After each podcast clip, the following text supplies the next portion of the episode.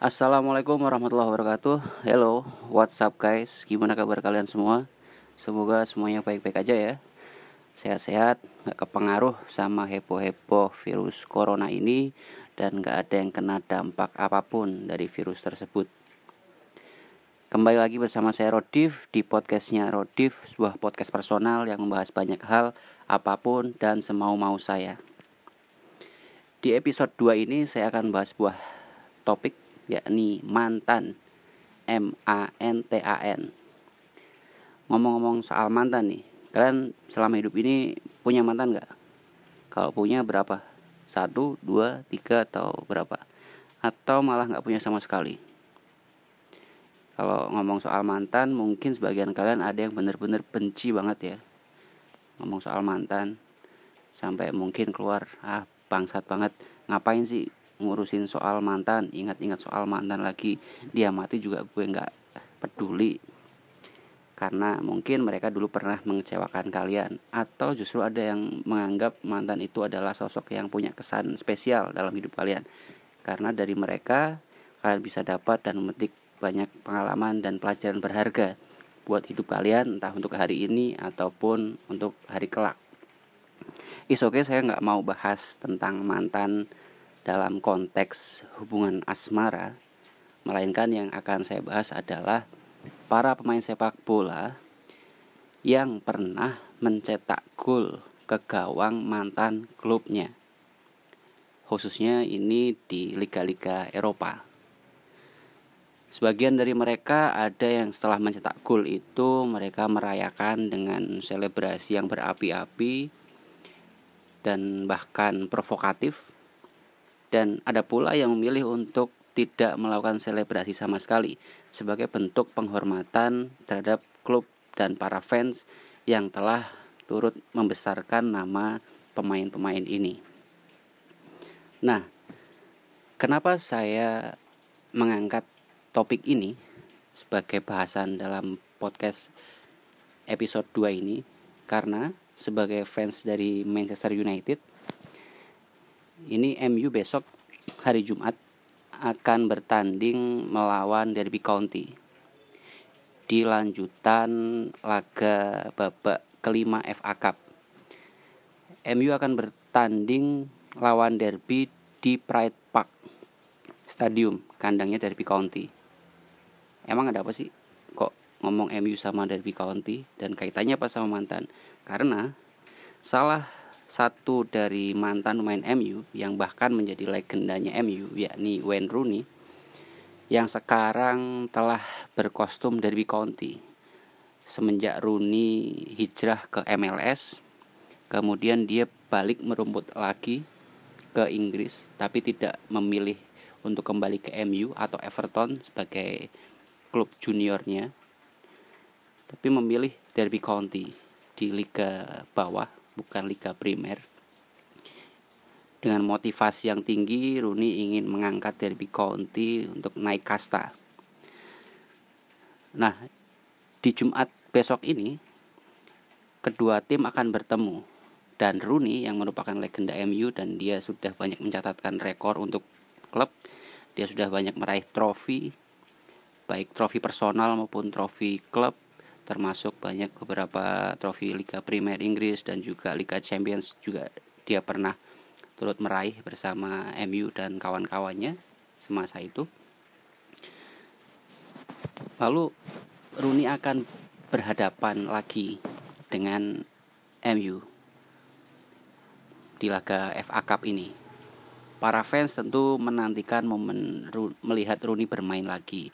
Tapi kali ini Rooney tidak bermain untuk MU melainkan untuk tim lawan dan Rooney dalam sebuah kesempatan wawancara menjelang laga tersebut dia mengatakan saya cinta klub ini dan ingin mereka tampil baik dan menang. Maksudnya ini MU ya. Namun untuk 90 menit atau 120 menit nanti saya ingin mereka kalah dan membawa kami Derby County maksudnya melaju ke babak selanjutnya kami punya kesempatan. Pada saat ini MU tidak dalam performa terbaik, namun mereka telah membaik dalam beberapa pekan terakhir. Begitu kata Rooney.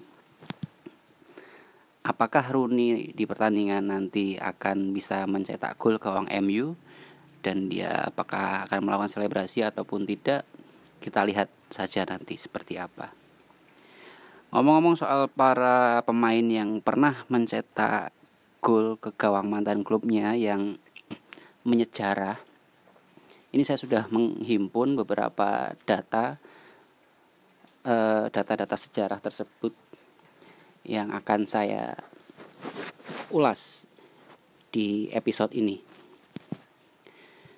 Ya, kita mulai saja. Yang pertama ada Denis Lau, seorang mantan legenda MU, seorang mantan pemain MU yang kemudian dianggap sebagai legenda oleh klub dan para fans yang kemudian hijrah ke tetangga yakni Manchester City atau Manchester Biru uh, pada tanggal 27 April 1974 di mana MU waktu itu bertanding melawan Manchester City di Old Trafford. Di laga ini, Dennis Lau kemudian berhasil mencetak satu-satunya gol yang membuat City akhirnya menang dengan skor 0-1 dan mengakibatkan MU atas kekalahan ini harus terdegradasi ke divisi championship. Tentu sangat menyakitkan ya bagi MU, para fansnya. Tapi ternyata juga bagi Denis Lau sebagai pemain City waktu itu, tapi dia juga mantan main MU yang lama merumput di setan merah. Dia merasa kecewa juga, sedih atas gol yang berhasil dia ciptakan karena atas golnya tersebut MU akhirnya harus terdegradasi. Kekecewaan begitu mendalam dirasakan oleh Denis Lau. Itu yang pertama. Kemudian yang kedua ada kisah dari Gabriel Omar Batistuta. Bagi generasi 90-an tentu akrab dengan nama ini. Gabriel Omar Batistuta. Pemain Argentina yang melegenda rambutnya panjang gondrong, mukanya garang, tendangannya kencang sekali, tendangan geledek. Dia dulu merumput di Serie A bersama klub Fiorentina selama kurun waktu 8 tahun. Dia banyak mencetak gol di Fiorentina, dianggap sebagai legenda Fiorentina bahkan dan dia mendapat julukan Batigol karena dia sangat rajin mencetak gol. Namun setelah menjalani musim yang cukup panjang bersama Fiorentina, dia kemudian hijrah ke AS Roma. Dan pada tanggal 27 November 2000, Batistuta berhasil mencetak gol ke gawang mantan klub yang pernah membesarkan namanya. Satu-satunya gol dari kaki Batistuta itu membuat Roma akhirnya menang dan waktu itu kiper Fiorentina adalah Francesco Toldo, mantan rekan Batistuta semasa masih di Fiorentina. Usai mencetak gol, eh, rekan setim Batistuta di AS Roma merayakan dengan memeluk Batistuta dan juga berselebrasi macam-macam. Namun tidak dengan Batistuta, dia hanya berdiam diri dia menunduk bahkan sampai dia meneteskan air matanya karena saking tak kuasanya. Klub yang lama dibelanya akhirnya harus uh, dia jebol gawangnya. Batistuta uh, sebagai pribadi yang dikenal garang pun ternyata sangat uh, apa melankolis ya dia mudah untuk tersentuh apalagi yang dibobol adalah gawang mantan klub yang membesarkan namanya. Dan yang ketiga ini ya termasuk terbangsat sih kalau kata saya. Ada Emmanuel Adebayor. Adebayor ini adalah mantan main Arsenal yang kemudian setelah membela Arsenal dalam beberapa musim dia hijrah ke Manchester City. Pada tanggal 12 September 2009 di sebuah pertandingan yang digelar di City Stadium Adebayor mencetak gol uh, di mana hasil akhir dari pertandingan tersebut 4-2 untuk kemenangan City. Terbangsatnya setelah Adebayor mencetak gol, sepertinya orang ini memang punya kekecewaan yang mendalam kepada Arsenal atau juga para fansnya. Usai mencetak gol, Adebayor berlari menyisiri pinggir lapangan dan menuju ke tribun di mana para fans Arsenal duduk menyaksikan pertandingan. Kemudian dia sliding dan dia benar-benar dengan heroisme dia memprovokasi para fans Arsenal usai dia mencetak gol. Tentu hal ini dianggap momen terbangsat ya buat para fans Arsenal karena pemain yang dulu membela Arsenal kemudian pindah dan bisa mencetak gol gawang Arsenal dan merayakan dengan semeriah itu sambil mengecek para fans Arsenal. Ya memang kadang ada sih mantan yang seperti itu beda banget ya sama Batistuta tadi. Yang keempat ada Robin van Persie. Robin van Persie sebelum merumput di Inggris dia adalah pemain uh, di Feyenoord Liga Belanda. Yang kemudian oleh Arsene Wenger dia direkrut untuk menjadi pemain Arsenal. Waktu itu usianya masih muda. Van Persie ini mencetak banyak gol untuk Arsenal. Tapi oleh Sir Alex Ferguson kemudian Van Persie ini dibeli seharga 25 juta pound sterling. Lalu dia menjadi pemain Man United. Dan pada sebuah pertandingan di musim pertamanya berkostum MU Van Persie berhasil mencetak gol ke gawang Arsenal. Di pertandingan tersebut tapi Van Persie tidak melakukan selebrasi apa pun.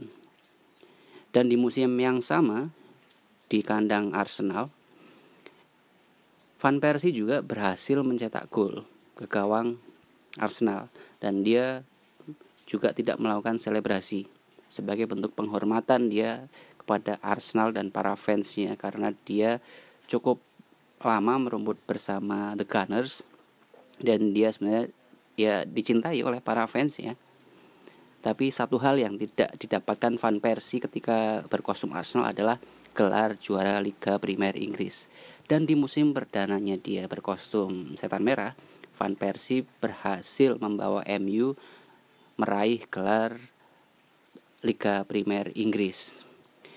Dan di musim berikutnya ketika Van Persie bertemu lagi dengan Arsenal, dia mencetak gol gawang Arsenal. Dan akhirnya Van Persie meluapkan uh, kegembiraannya dengan berselebrasi dengan sangat meriah waktu itu dia berlari menuju Wayne Rooney yang memberikan asis atas gol yang dia ciptakan. Dan tentu itu membuat para fans Arsenal pun kemudian marah. Mengapa seorang mantan pemain yang sudah hampir dianggap legenda oleh fans Arsenal dan Arsenal sendiri akhirnya justru berani-beraninya berselebrasi uh, atas gol yang dia ciptakan ke gawang mantan klubnya. Tapi soal Van Persie ini memang oke okay lah debatable ya. Dia mau dianggap legenda MU atau legenda Arsenal. Tapi kalau saya sebagai fans United, saya tetap menganggap bahwa Robin van Persie adalah orang yang sangat layak untuk dianggap sebagai legend di MU. Karena bagaimanapun dia pernah berjasa, dia mencetak gol bahkan jadi top skor dan membawa United meraih Liga Primer Inggris. Uh, entah bagi fans Arsenal seperti apa gitu. Dan memang jujur saya sangat uh, rindu dengan sosok Van Persie uh, di mana sekarang memang jarang ya di beberapa musim terakhir MU MU ini nggak punya striker yang benar-benar apa tipikal bomber uh, goal getter macam Robin van Persie ini itu tentang Van Persie dan berikutnya ada Cristiano Ronaldo. Dia ini juga pemain yang besar di MU dibesarkan oleh Sir Alex Ferguson. Dia dulu dibeli dari Sporting Lisbon sebagai pemain yang masih bocah belum punya nama. Kemudian Ferguson melihat bakat yang memang dimiliki oleh Ronaldo lalu direkrutlah Ronaldo ini ke MU dan namanya sangat melambung dan fenomenal sekali sampai hari ini dan setelah lama merumput bersama MU sampai pernah uh, di level tertingginya dia meraih gelar membantu MU meraih gelar Liga Champions Eropa di tahun 2008 uh, apa 2009 kalau tidak salah. Kemudian setelah musim itu dia pindah ke Real Madrid di mana waktu itu dia dibeli Madrid dengan harga transfer yang memecahkan rekor transfer sebelumnya. Nah, saat membela Real Madrid, kemudian pernah kedua tim ini bertemu di fase knockout Liga Champions.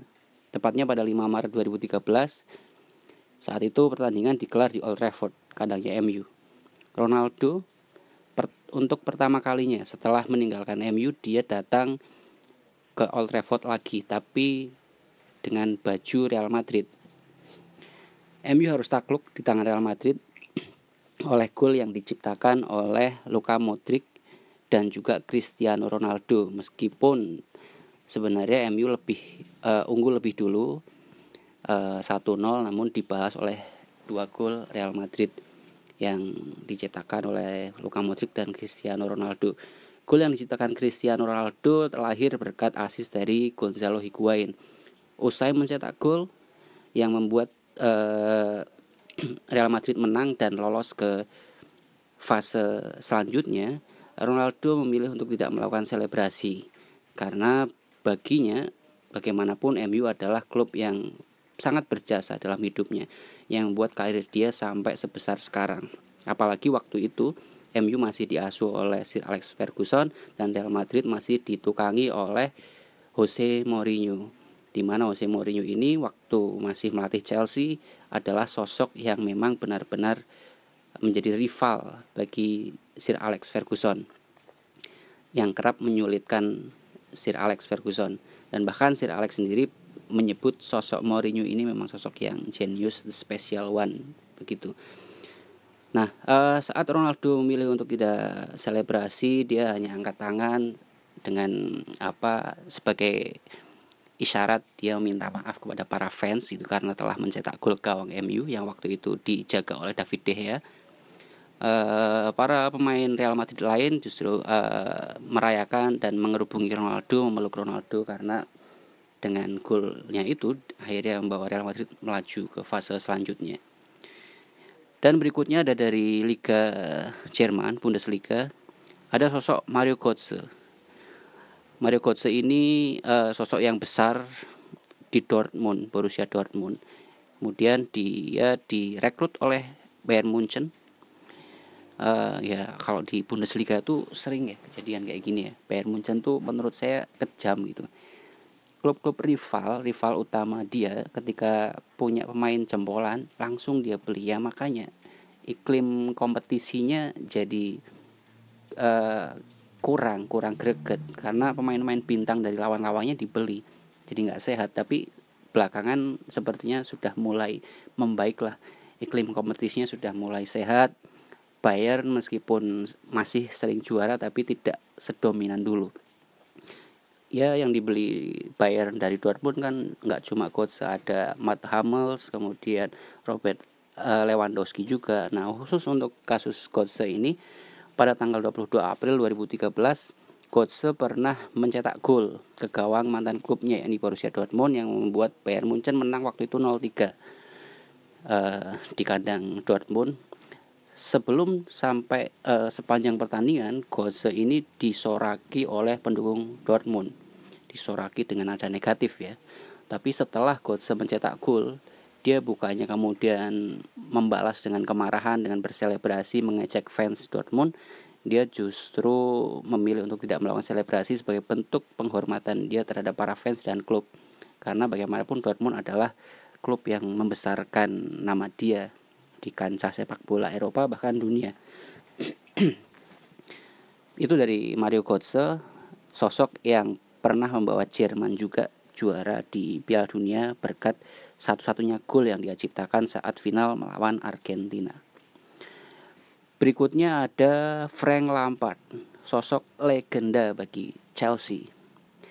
yang kemudian setelah dari Chelsea dia memilih untuk hijrah ke Liga Amerika Serikat MLS dia merumput bersama New York City FC namun di uh, musim ketika membela New York City FC itu ketika sedang libur Manchester City yang memang kekurangan gelandang dia meminjam Frank Lampard dari New York City uh, sampai akhir musim di Liga Inggris. Dan dia punya momen bersejarah Frank Lampard ini di City karena dia berhasil menyelamatkan menyelamatkan City dari kekalahan atas lawannya yakni Chelsea waktu itu bertandang di Etihad atau City Stadium uh, pada tanggal 20 September 2014 Waktu itu kondisinya Chelsea masih unggul 0-1 dari tuan rumah City. Setelah Frank Lampard masuk menggantikan salah seorang pemain uh, City, kemudian tidak lama berselang Frank Lampard mencetak gol ke gawang mantan klubnya yakni Chelsea. Dan Lampard langsung disambut gegap gempita oleh seluruh fans uh, pendukung Manchester City yang hadir di tribun dan juga para pemain City yang langsung memeluk uh, dan mengerubungi Frank Lampard. Tapi Frank Lampard memilih untuk tidak melakukan selebrasi dengan mata yang berkaca-kaca, uh, sepertinya sangat terharu. Itu momen yang uh, sedih mungkin ya, dan dia hanya mengangkat tangan gitu, kayak nggak tega mencetak gol ke gawang mantan klub yang benar-benar lekat sekali dengan Frank Lampard. Apalagi sekarang Frank Lampard sedang jadi pelatih di Chelsea ya. Akhirnya kembali ke klubnya dulu. Saya sebagai fans MU waktu itu memang merasa benci sekali dengan Chelsea. Dan saya kebetulan nonton waktu itu pertandingan City lawan Chelsea itu. Ketika Frank Lampard masuk dan mencetak gol saya benar-benar senang sekali. Teriak-teriak karena dia berhasil mengagalkan kemenangan Chelsea di tahun tersebut. Tapi saya akui sih kalau Frank Lampard ini memang main yang fenomenal ya. Dia ya di Inggris layak lah untuk masuk jadi gelandang terbaik. Tapi setelah Paul Scholes uh, legenda MU lah. Dan berikutnya ada Danny Welbeck yang pada tanggal 9 Maret 2015 Welbeck yang setelah dilepas dari MU dia hijrah ke Arsenal sebagai tim rival dari MU dia mencetak gol kemenangan yang membuat MU harus tersingkir dari kuarter final Piala FA yang waktu itu pertandingannya digelar di Old Trafford dan Welbeck melakukan selebrasi uh, atas gol yang diciptakannya tersebut. Tapi Welbeck ini meskipun akademi MU ya, tapi kayaknya dia tidak cukup dianggap main penting yang menyejarah di MU karena memang karir waktu di MU barangkali dianggap tidak cukup baik uh, bagus-bagus amat lah standar gitu. Ya makanya dia akhirnya dijual ke Arsenal. Dan berikutnya ada uh, Cristiano Ronaldo lagi pada tanggal 10 November 2018 usai menjalani musim yang panjang dan meraih banyak gelar yang fenomenal bombastis bersama Real Madrid, Ronaldo kemudian memilih untuk hijrah ke Liga Italia mencari peruntungan baru. Dia memilih Juventus sebagai uh, uh, klub berikutnya usai Real Madrid. Pada uh, babak apa kalau tidak salah penyisian grup uh, melawan MU, iya benar fase grup melawan MU. Ronaldo berhasil mencetak gol ke gawang MU. Saat itu pertandingan digelar di Juventus Stadium. Juve waktu itu masih dilatih oleh Allegri dan MU dilatih oleh Jose Mourinho. Ronaldo mencetak gol yang fantastis uh, dan usai mencetak gol tersebut dia untuk pertama kalinya saat meninggalkan MU dan melawan MU dia melakukan selebrasi atas gol yang dia ciptakan ke gawang mantan klub yang sangat berjasa dalam hidup karir di sepak bolanya. Tapi sayang, gol Ronaldo tersebut tidak bisa menyelamatkan Juventus dari kekalahan karena MU berhasil membalas dua gol di menit akhir lewat tendangan bebas dari Juan Mata dan juga bunuh diri dari Bonucci yang membuat akhirnya MU pulang dengan tiga poin dan Jose Mourinho sekali lagi the special one dia benar-benar uh, memanas-manasi para fans Juventus dan para fans Italia pada umumnya karena Mourinho ini kan dulu pernah membela eh membela dia pernah melatih Inter Milan yang merupakan rival utama dari Juventus. Maka kemenangan atas Juventus ini sekaligus dia uh, apa suarakan dia ekspresikan betapa bahagianya sosok Mourinho ketika bisa memenangkan Juventus di kandang mereka sendiri. Itu data-data tentang para mantan yang pernah mencetak gol ke gawang klub-klub yang pernah berjasa membesarkan nama-nama pemain tersebut. Ada yang uh, memilih untuk tidak melakukan selebrasi sebagai bentuk penghormatan, namun ada juga yang bangsat seperti Emmanuel Adebayor. Tapi itu pilihan masing-masing, silakan masing-masing berhak untuk berselebrasi ataupun tidak. Tapi e, kalau saya ya menantikan besok aja lah bagaimana Wayne Rooney di Derby County ini besok melawan MU bisa nggak dia cetak gol? Kalaupun dia cetak gol dan berselebrasi bagi saya sih nggak masalah. Karena ya bagaimanapun jasa Rooney itu lebih uh, luar biasa bagi MU dan apalagi ini FA Cup ya kalaupun misalnya MU kalah ya ya udah nggak apa-apa gitu. Meskipun ya sebenarnya penting juga. Oke kita tunggu aja besok kira-kira pertandingan di babak kelima FA Cup ini seperti apa. Dan itulah barisan para mantan. Bagaimana mantan-mantan kalian? Apakah kalian masih mengenang mantan-mantan tersebut? Apakah bodoh amat lah sama mantan-mantan itu?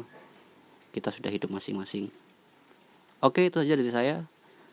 Wassalamualaikum warahmatullahi wabarakatuh. Salam.